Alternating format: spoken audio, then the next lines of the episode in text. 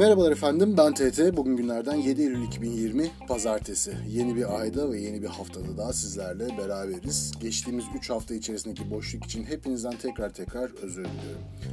Geçen hafta biliyorsunuz bir ufak özür bölümü yayınladım. Onu tam kendi konularımızla alakalı bir podcast serisinin parçası olduğunu söyleyemem. Ondan dolayı neredeyse 3 haftadan beri sizinle hiçbir şey paylaşamadım.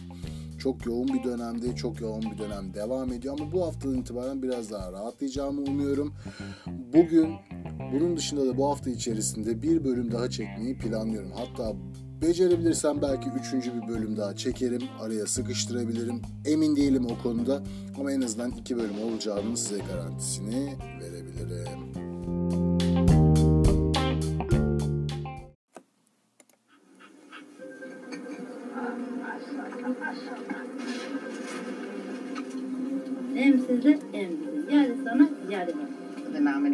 Best Documentary Feature and Honeyland. Best International Feature Film Award, and the nominees are Honeyland, North Macedonia,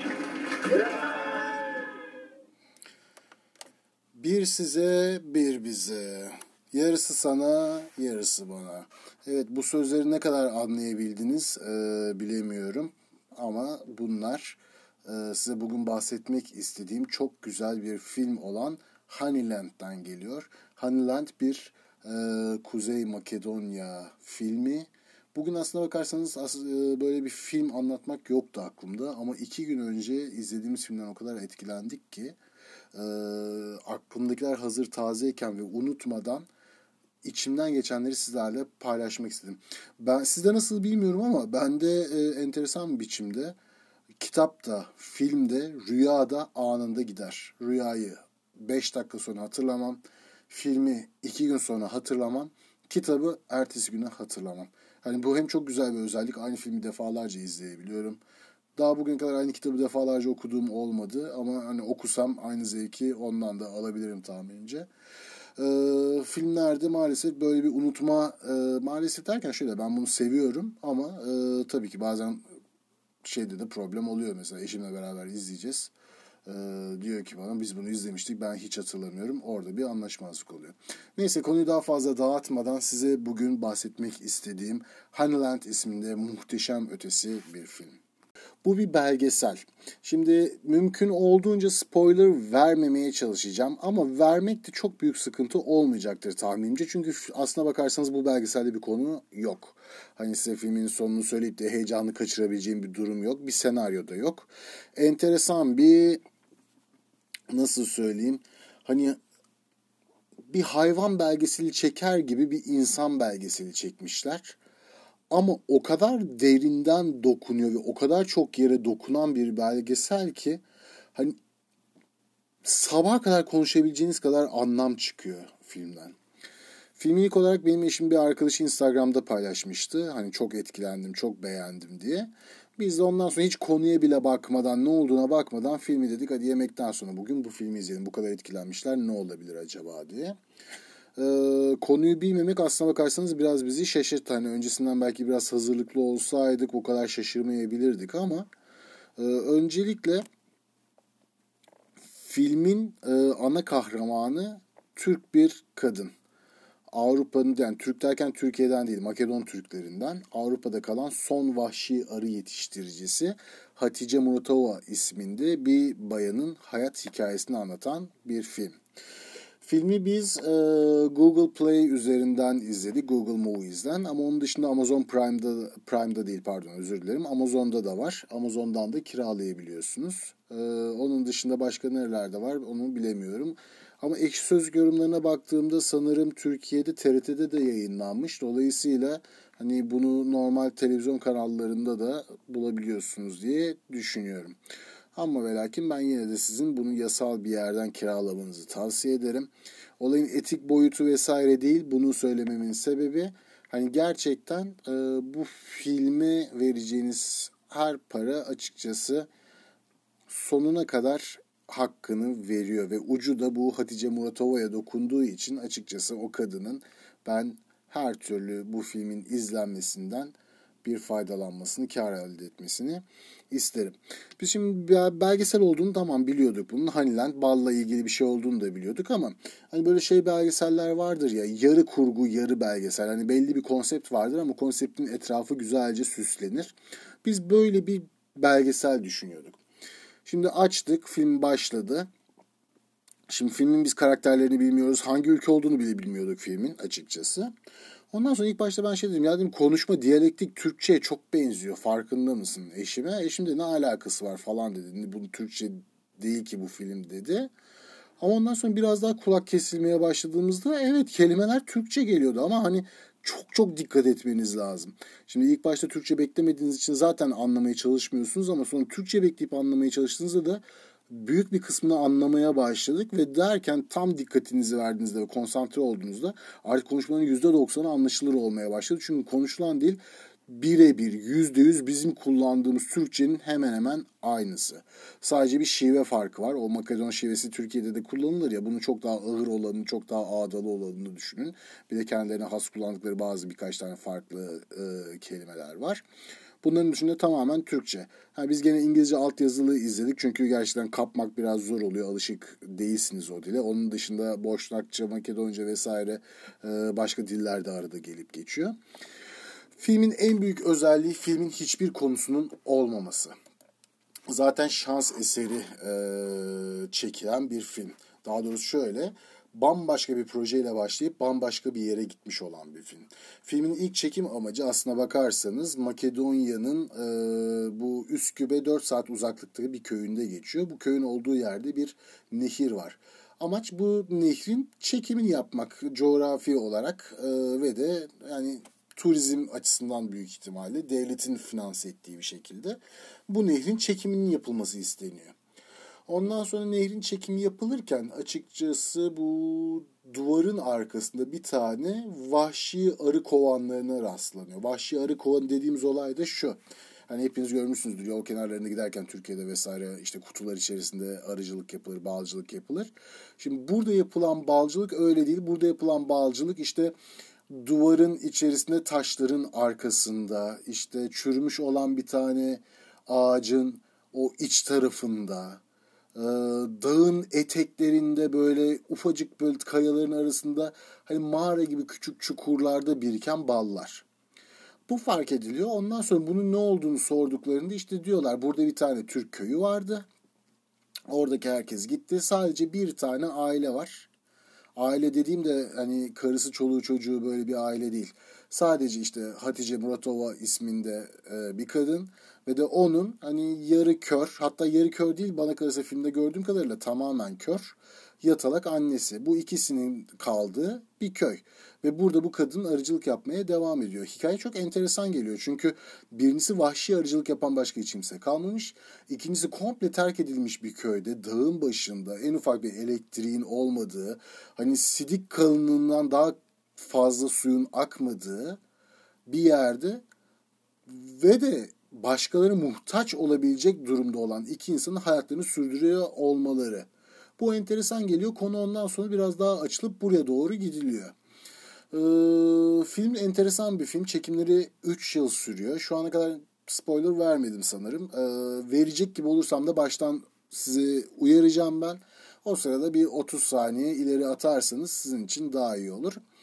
Ee, ne demiştik? 3 yıl sürüyor filmin çekimleri ve filmde toplam 400 saatlik çekim yapılıyor. Ve bu 400 saatlik çekimin sonucunda da bir buçuk saatti herhalde. Şu an tam e, süresi aklımda değil. Bu film meydana getiriliyor. Hatice inanılmaz derecede sevgi dolu bir insan. Bunu filmin birçok yerinde hissediyorsunuz, anlıyorsunuz. Ve aynı zamanda ben açıkçası filmden çok etkilendiğimiz için e, arkasından biraz daha araştırma yaptım. Hatice ile yapılan bir tane e, röportajı dinledim. İşte bu konuyla ilgili BBC'de çok güzel bir yazı yazılmış. Onu e, okudum. İşte Wikipedia sayfasını vesaire ki bu BBC e, linkini de ben açıklamalara koyayım. Hani orada mesela YouTube'daki röportajlarını gördüğümde de fark ettim. Yani kadının içinden sevgi fışkırıyor neredeyse fışkırıyor. Hatice maalesef e, burada ufak bir spoiler vereceğim. İsterseniz 30 saniye ileri atın. E, hiç evlenmemiş hayatı boyunca. Bundan da biraz hezeyan duyuyor anladığım kadarıyla. Hatta filmin bir yerinde annesine de soruyor. Niye beni isteyenler varken vermediniz diye. Annesi diyor ki ben verecektim ama babam vermek istemedi. Sonra ben e, başka bir yerde okuduğum kadarıyla oranın din ve kültür gözetmeksizin e, bir kültürüymüş o. Ailenin son kalan en küçük kızı ailenin tüm fertleri ölene kadar onlara bakıyormuş. Anneye ve babaya bakıyormuş.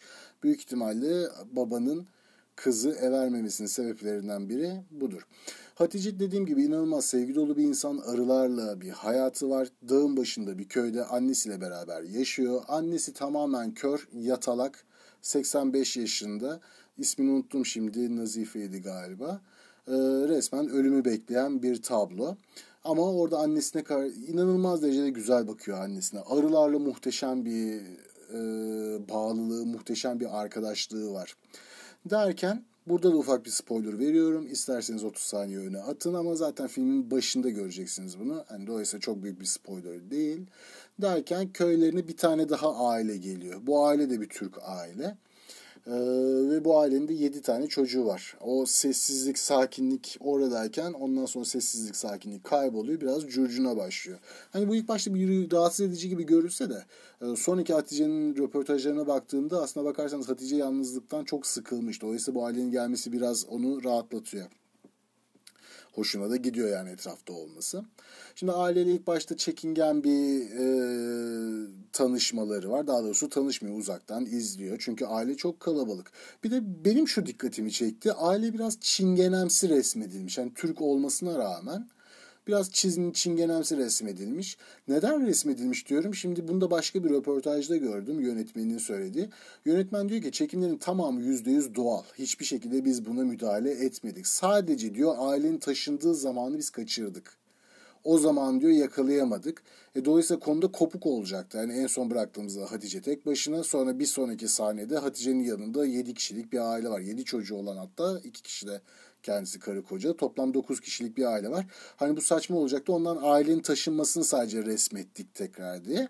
Orada böyle karavanla ailenin oraya geldiği bir sahne var. Sadece o kurguymuş. Onun dışındaki her şey tamamen doğal. Ama işte orada bana şey enteresan geldi. Yani aile mesela çok çingenemsi resmedilmiş. Hiç Türk gibi değil. Ben bunun kasıtlı olduğunu ya da onlar Türk olduğu için olduğunu zannetmiyorum. Büyük ihtimal aile zaten biraz o kültürde bir aile. Velhasıl kelam devamına gelecek olursak Hatice aileyle beraber ondan sonra ufak da olsa bir iletişime başlıyor. Birbirlerine destek olmaya başlıyorlar. Birbirlerine yardım etmeye başlıyorlar. Ama ve lakin arada işte burada çok güzel yani e, her daim anekdotlar e, almaya başlıyorsunuz. Yani bakıyorsunuz mesela ailenin yaşantısına yani ilk başta şunu söyleyeyim. O coğrafyadaki insanların tamamı çok büyük eziyetle büyüyorlar. Bunu görüyorsunuz. Bunların hemen hemen hiçbiri çocukluklarından itibaren gün yüzü görmüyorlar. Doğduklarından itibaren çalışmaya ve kötü şartlarda hayatta kalmaya çalışıyorlar. Bu Hatice için de böyle. Hatice'nin yanına gelen yeni komşuları için de böyle. Mesela komşuların 7 tane çocukları var. Hani çocukların her birini ben size burada 10 dakika anlatabilirim. Yani her birini size neler hissettirdiğini. Her biri bana apayrı şeyler hissettirdi. Bir tane mesela benim kızım kadar küçük kızları var. Hani biz burada nasıl söyleyeyim merdivenden tek başına inip çıkmasına izin vermiyoruz. Kızın neredeyse düşer olur, bir şey olur vesaire diye. Orada bakıyorsunuz ineklerin arasında çocuk dolanıyor. Neredeyse üzerine basacak geçecek inekler. Ya da onun bir büyük başka bir kızı var. İşte derede şey yaparlarken, yüzerlerken kız neredeyse boğuluyordu mesela. Kimse yüzüne bile bakmıyor. Yani bildiğiniz şans eseri yaşıyorlar. İşte onun büyük abileri var. Ee, yeri geliyor çalışmak istemiyor. Çocuk yani en nihayetinde ne bileyim arı sokmuş canı acıyor ondan korkuyor gitmek istemiyor. Yani birçok sebebi olabilir. Zorla oraya götürülüyor çalıştırılıyor yapılıyor ediliyor. Yani burada komşular e, biraz kötü resmedilmiş. Nasıl kötü resmedilmiş? Hani filmin devamında şey görüyorsunuz. Komşuların aç gözlülüğü yüzünden Hatice de çok büyük zarar görmeye başlıyor. İşte Hatice'nin arılarından feyz alıp e, mesela arıcılığa başlıyorlar ve Hatice elinden geldiğince bu insanlara yardımda bulunuyor. Ama yardım ederken de şunu söylüyor ki hani doğa diyor bir al ver ürünüdür diyor. Vermeden alamazsın, almadan veremezsin. Onun için diyor her zaman dengeyi iyi tutmak zorundasın. Hani bu balı sen bunlardan alıyorsan tamamını almayacaksın. Bir kısmını da onlara bırakacaksın diyor. Eğer bunu yapmazsam işte arıları kızdırırsın o zaman e, dengeyi bozarsın. Gelirler benim arılarımı da e, öldürürler. Benim de dengemi bozarsın diyor ve adam bunu dinlemeyip işte başka bir tane orada tüccarın burada da ufak bir spoiler vereyim. Başka bir tane tüccarın baskısıyla bütün balını satıyor. Bütün balını satınca arıların e, kendine bal kalmıyor. Dolayısıyla sinirleniyorlar. Gidiyorlar Hatice'nin arılarını öldürüyorlar. Onun e, kovanına çöküyorlar vesaire falan filan derken hani bir anda size aç gözlüğün neler yaptığını görüyorsunuz. Hatice'nin oradaki e, sözle adamları yola getirememesi, içinden bulunduğu çıkmaz. Hani orada annesine diyor ki şu an bile tüylerim diken diken oldu. Bebek olsan alayım seni kucağıma kaçayım gideyim buralardan başka bir yerde düzen kuralım ama o da mümkün değil diye. Hani bir çıkmazda yatalak yürüyemeyen bir tane görmeyen annesi var. Oradan bir yere gidemez gidebileceği bir yer yok. Kalsa yanına gelen adamlar yüzünden huzuru düzeni bozulmuş durumda. Hani orada inanılmaz derecede aileden nefret ediyorsunuz. Ama dediğim gibi aileden nefret ne kadar nefret edersiniz edin. Bir yandan da şunu görüyorsunuz. O ailenin hayatı da çok zor. Hani hiçbiriniz o ailenin yerinde de olmak istemezsiniz. Hani orada ne bileyim babasından tutun annesine çocuklarına kadar hepsinin çok kötü hayali var. Hani filmin hemen hemen her 5 saniyesinde bir kendi hayatınızda şükredecek bir şey görüyorsunuz. Bu inanılmaz derecede e, etkileyici bir olay. Mesela filmde ayrıca e, dikkatimi çeken anekdotlardan bir tanesi ki bu sonradan e, ek sözlük yorumlarında da birkaç kişinin dikkatini çekmiş. Onları da gördüm. E, arı besleme sırasında Hatice herhangi bir ekipman kullanmıyor ve Heken herhangi bir ekipman kullanmamasına rağmen hemen hemen hiç sokulmuyor. Ama komşu aileye baktığınızda bunlar işi para için ve zorla yapıyorlar sevgiyle değil bu insanlar ise bazen arı sokmalarından dolayı çalışamaz duruma geliyorlar. Hani dolayısıyla doğaya siz ne kadar sevgi ve şefkatle yaklaşırsanız onun karşılığında size o kadar e, sevgi ve şefkat olduğunu görüyorsunuz. Aynı zamanda diğer ailede benim dikkatimi çeken noktalardan bir tanesi e, ailede çok ciddi bir sevgi sorunu var. Neredeyse ailede sıfır sevgi görüyorsunuz. Hani oradaki daha yeni yürümeye başlayan 1-2 yaşındaki çocuğa bile bir sevgi yok neredeyse. Hatice'nin gösterdiği sevgi dışında film boyunca hiç sevgi yok. Ne kadının kocasına, ne kocanın karısına, ne babanın çocuklarına, ne annenin çocuklarına, ne çocukların birbirlerine. Hani tek sevgi objesi orada Hatice. Hatice'nin içinden çıkan bir sevgi var. Onun dışında diğer ailede mesela sevgi sıfır aile ataerkil e, bir aile. Hani baba ne derse o oluyor gibi. Ama mesela şu çok enteresan geldi bana. Çocuklar da kendini ifade et, etmekte aşırı derecede özgür. Hatta yeri geliyor ağzına ne gelirse ana arat küfrederek çocuk isyan edebiliyor annesine ve babasına. Ve mesela ben bakıyorum kendi kültürümüzde ben hayatta bir anneme ya da babama küfür edemezdim. Hani doğru olmamasını bırakın e, diyelim ki ben hani yanlış bir insanım ve yanlış bir şey yapıyorum. Bunu, bunu yaptım diyelim. Bunun karşılığı da çok kötü olurdu. Ama burada öyle olmuyor. Hani çocuk bildiğiniz adamlarla beraber büyümüş ve onların bir ortağı gibi artık. Onların çocuğu, oğlu gibi değil. Onların bir ortağı gibi çıkıp çat çat çat çat çat konuşuyor ve babası da ona çat çat çat çat cevap veriyor. Bu gerçekten enteresan bir e, anekdot olarak geldi.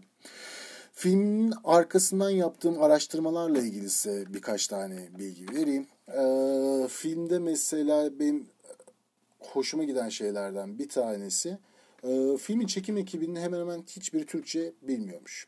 Şimdi şey e, Hatice diğer dili konuşabiliyor. Diğer dilin Macarca mı yoksa Boşnakça mı olduğundan emin değilim. Büyük ihtimalle Macarca. Hacer, e, Hacer diyorum. Hatice bunu konuşabiliyor. Ama Hatice normal günlük hayatta Türkçe konuşuyor. Annesiyle de Türkçe konuşuyor. Yerine gelen komşuları da Türk. Onlarla da Türkçe konuşuyor. Ve çekim ekibinin hiçbiri Türkçe bilmiyor. Bundan dolayı neyi çekip neyi çekmeyeceklerini de anlayamıyorlar. Bu ilk başta bir dezavantaj gibi geliyor. Ama ilerisinde şöyle bir şey oluyor. Artık Hatice konuşulduğunun anlaşılmadığını bildiği için çok daha doğal e, davranmaya başlıyor. Zaten filmin tamamı doğal. Hiçbir şekilde bir senaryo ya da yönlendirme yok. Ama sadece şunu söylüyor mesela Hatice. ilk diyor 2-3 ay zorlandım etrafımda devamlı birinin olmasından, kameraların olmasından. Ama ondan sonra diyor alıştım normal hayatımı yaşamaya devam ettim.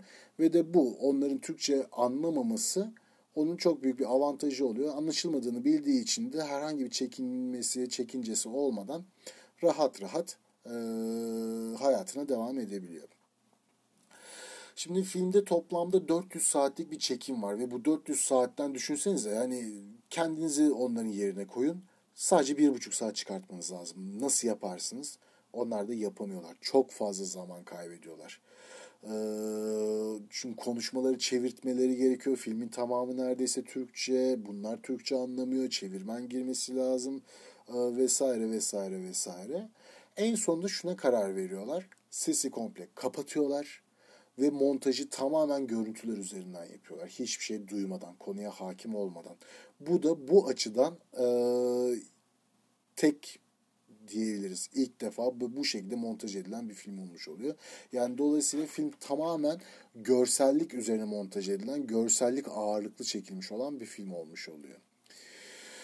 Filmin aldığı ilk nakit ödül TRT'den. Bu bana açıkçası çok büyük mutluluk verdi. Neden? Bunun çünkü ayrı bir anlamı da var. Ee, Hatice'ye yönetmenler gelip bu projelerinden bahsettiğinde diyorlar ki yani sana şu an bir şey vermeyeceğiz ama bu eğer tutarsa sana bir ev alacağız. Ve TRT'nin verdiği bu nakit ödülle de Hatice'ye yakın bir köyden ev alınıyor. Bu yakın köyde diğer akrabaların abisine özellikle yakın olan bir yer. Hatice hala şu an eski köyünde de kalıyor arı e, bal döneminde. Ama onun dışındaki dönemlerde abisine ve diğer akrabalarına yakın olan yeni evinde kalıyor. Hayatı bir tık daha e, düzelmiş durumda. Film Oscar'a iki dalda aday oluyor. Birincisi yabancı e, film, en iyi yabancı film dalında. Diğeri de en iyi belgesel dalında. Ve de Oscar tarihinde bugüne kadar iki dalda Oscar'a aday gösterilen ilk belgesel filmi. O bakımdan da ayrı bir yer elde ediyor. Maalesef Oscar kazanamamış ama Oscar'a gelene kadar o kadar çok e, ödül kazanmış ki ve kazanmaya da devam edecektir. İzlemenizi ben mutlaka ama mutlaka tavsiye ediyorum.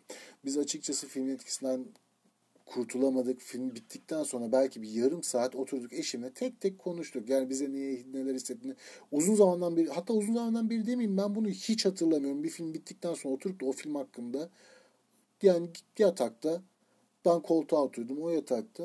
Ben içimden geçenleri böyle hissettiklerimi anlattım. O içinden geçenleri hissettikleri anlattı. Hatta gece uyuyamamış yani anne yüreği herhalde. Devam diyor küçük çocuk geldi aklıma diyor. O çocuk nasıl yaşıyor? Hani biz kendi çocuğumuzu elimizden yüzümüzden sakınmazken hani orada kendi kendine büyüyor çocuk yani mini minnacık çocuklar. Hani o çocuğun yüzü gözümün önünden gitmedi uyuyamadım dedi. Hakikaten de uyuyamadı yani o gece. Böyle enteresan bir durumdu. İzlemenizi kesinlikle tavsiye ediyorum. Hani benim hayatımda izlediğim en sıra dışı film diyebilirim. Hani şöyle sıra dışı diyorum. Ee, filmin hiçbir konusu olmamasına rağmen size o kadar çok şey hissettiriyor ki. Bir nevi aslına bakarsanız şey gibi diyebilirim. Ee, Pink Floyd'un The Wall albümü için çektiği bir tane film vardır. Onun ismi de The Wall tabii doğal olarak.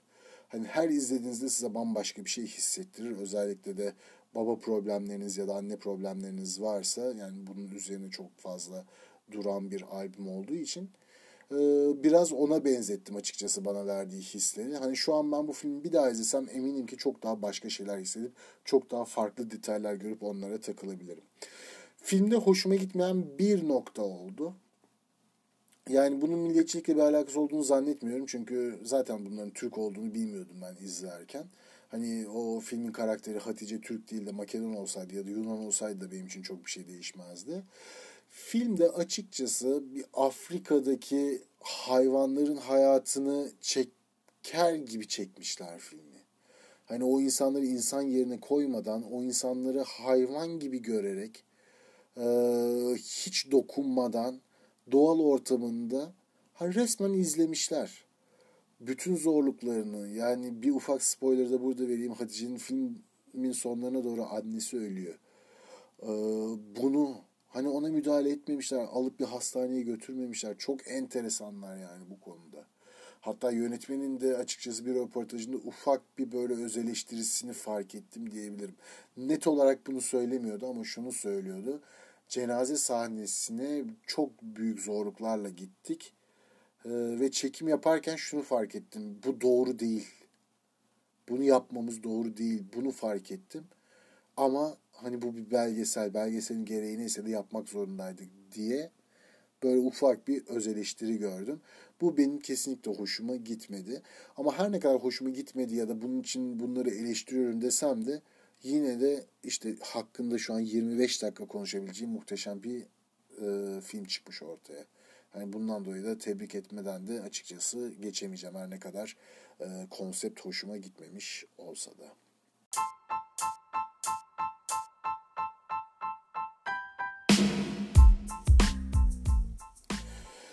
Bugün ilk defa sizinle farklı bir e, başlık üzerinden beraber olduk. Umarım hoşunuza gitmiştir. Hani beni böyle etkileyen ya da üzerinde konuşabileceğim bir şey olursa tekrar tekrar e, ben bunlara devam etmek isterim.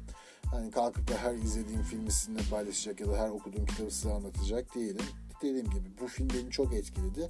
Aynı şekilde beni etkileyen başka bir eser olduğunda bunları da sizinle paylaşmak çok hoşuma gider.